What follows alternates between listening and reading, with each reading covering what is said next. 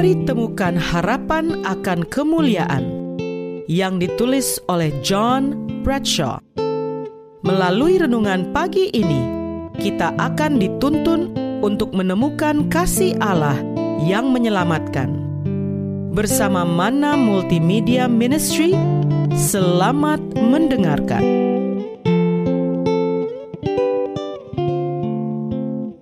Shalom, selamat pagi saudaraku.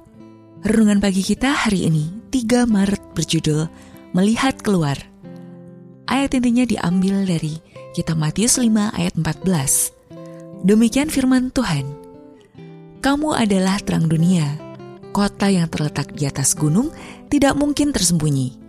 Bersama saya, Elizabeth Simorangkir.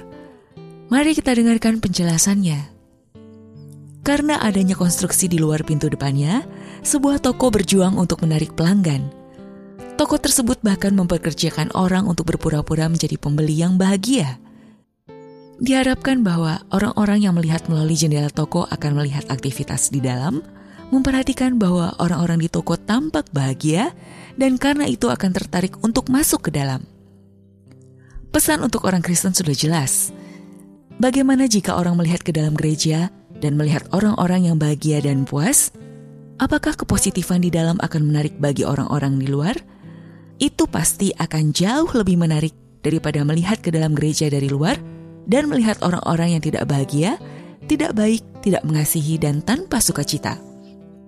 Apa yang orang lihat ketika mereka melihat ke dalam gereja saudara atau ke dalam hatimu? Yesus berkata, "Kamu terang dunia." Dikutip dari kitab Matius 5 ayat 14. Meskipun saudara tentu tidak ingin memalsukannya, penting bagi orang-orang yang percaya pada Tuhan yang pengasih, mengampuni, dan dari tempat yang disebut surga, dapat memberikan bukti bahwa hubungan mereka dengan Tuhan tersebut telah memengaruhi mereka menjadi lebih baik. Saudara ingin pengunjung gereja saudara dapat memperhatikan bahwa orang-orang di gereja itu bahagia. Jika seseorang tahu bahwa saudara adalah orang percaya, tetapi kepercayaan kepada Yesus tersebut belum mencerahkan rumah saudara sendiri, maka ada sesuatu yang sangat salah. Dengan keanehan yang mengkhawatirkan, saya mendengar dari orang-orang saat mereka mengunjungi gereja untuk pertama kalinya dan benar-benar diabaikan. Orang-orang seperti itu tidak pernah gagal untuk mendapatkan pesan bahwa kehadiran mereka tidak dihargai. Seorang pria yang telah diperkerjakan sebagai pembelanja palsu melaporkan bahwa proyek itu berhasil. Ketika orang melihat sukacita, kebahagiaan, dan antusiasme, mereka ingin menjadi bagian darinya. Saudara-saudaraku yang kekasih di dalam Tuhan, hal yang sama berlaku dalam hal iman. Tidak ada yang ingin menjadi bagian dari sesuatu yang tampaknya tidak menyenangkan. Kabar baiknya adalah ketika Yesus memiliki hati saudara, sukacita akan bersinar dari hidup saudara. Jika sekelompok orang percaya berkomitmen kepada Yesus, itu akan terlihat. Dan jika Tuhan mendiami rumah saudara, itu akan mempengaruhi saudara dan akan berbicara dengan keras kepada orang lain. Doa kita hari ini, Bapa, terima kasih untuk nafas kehidupan dan hari yang baru.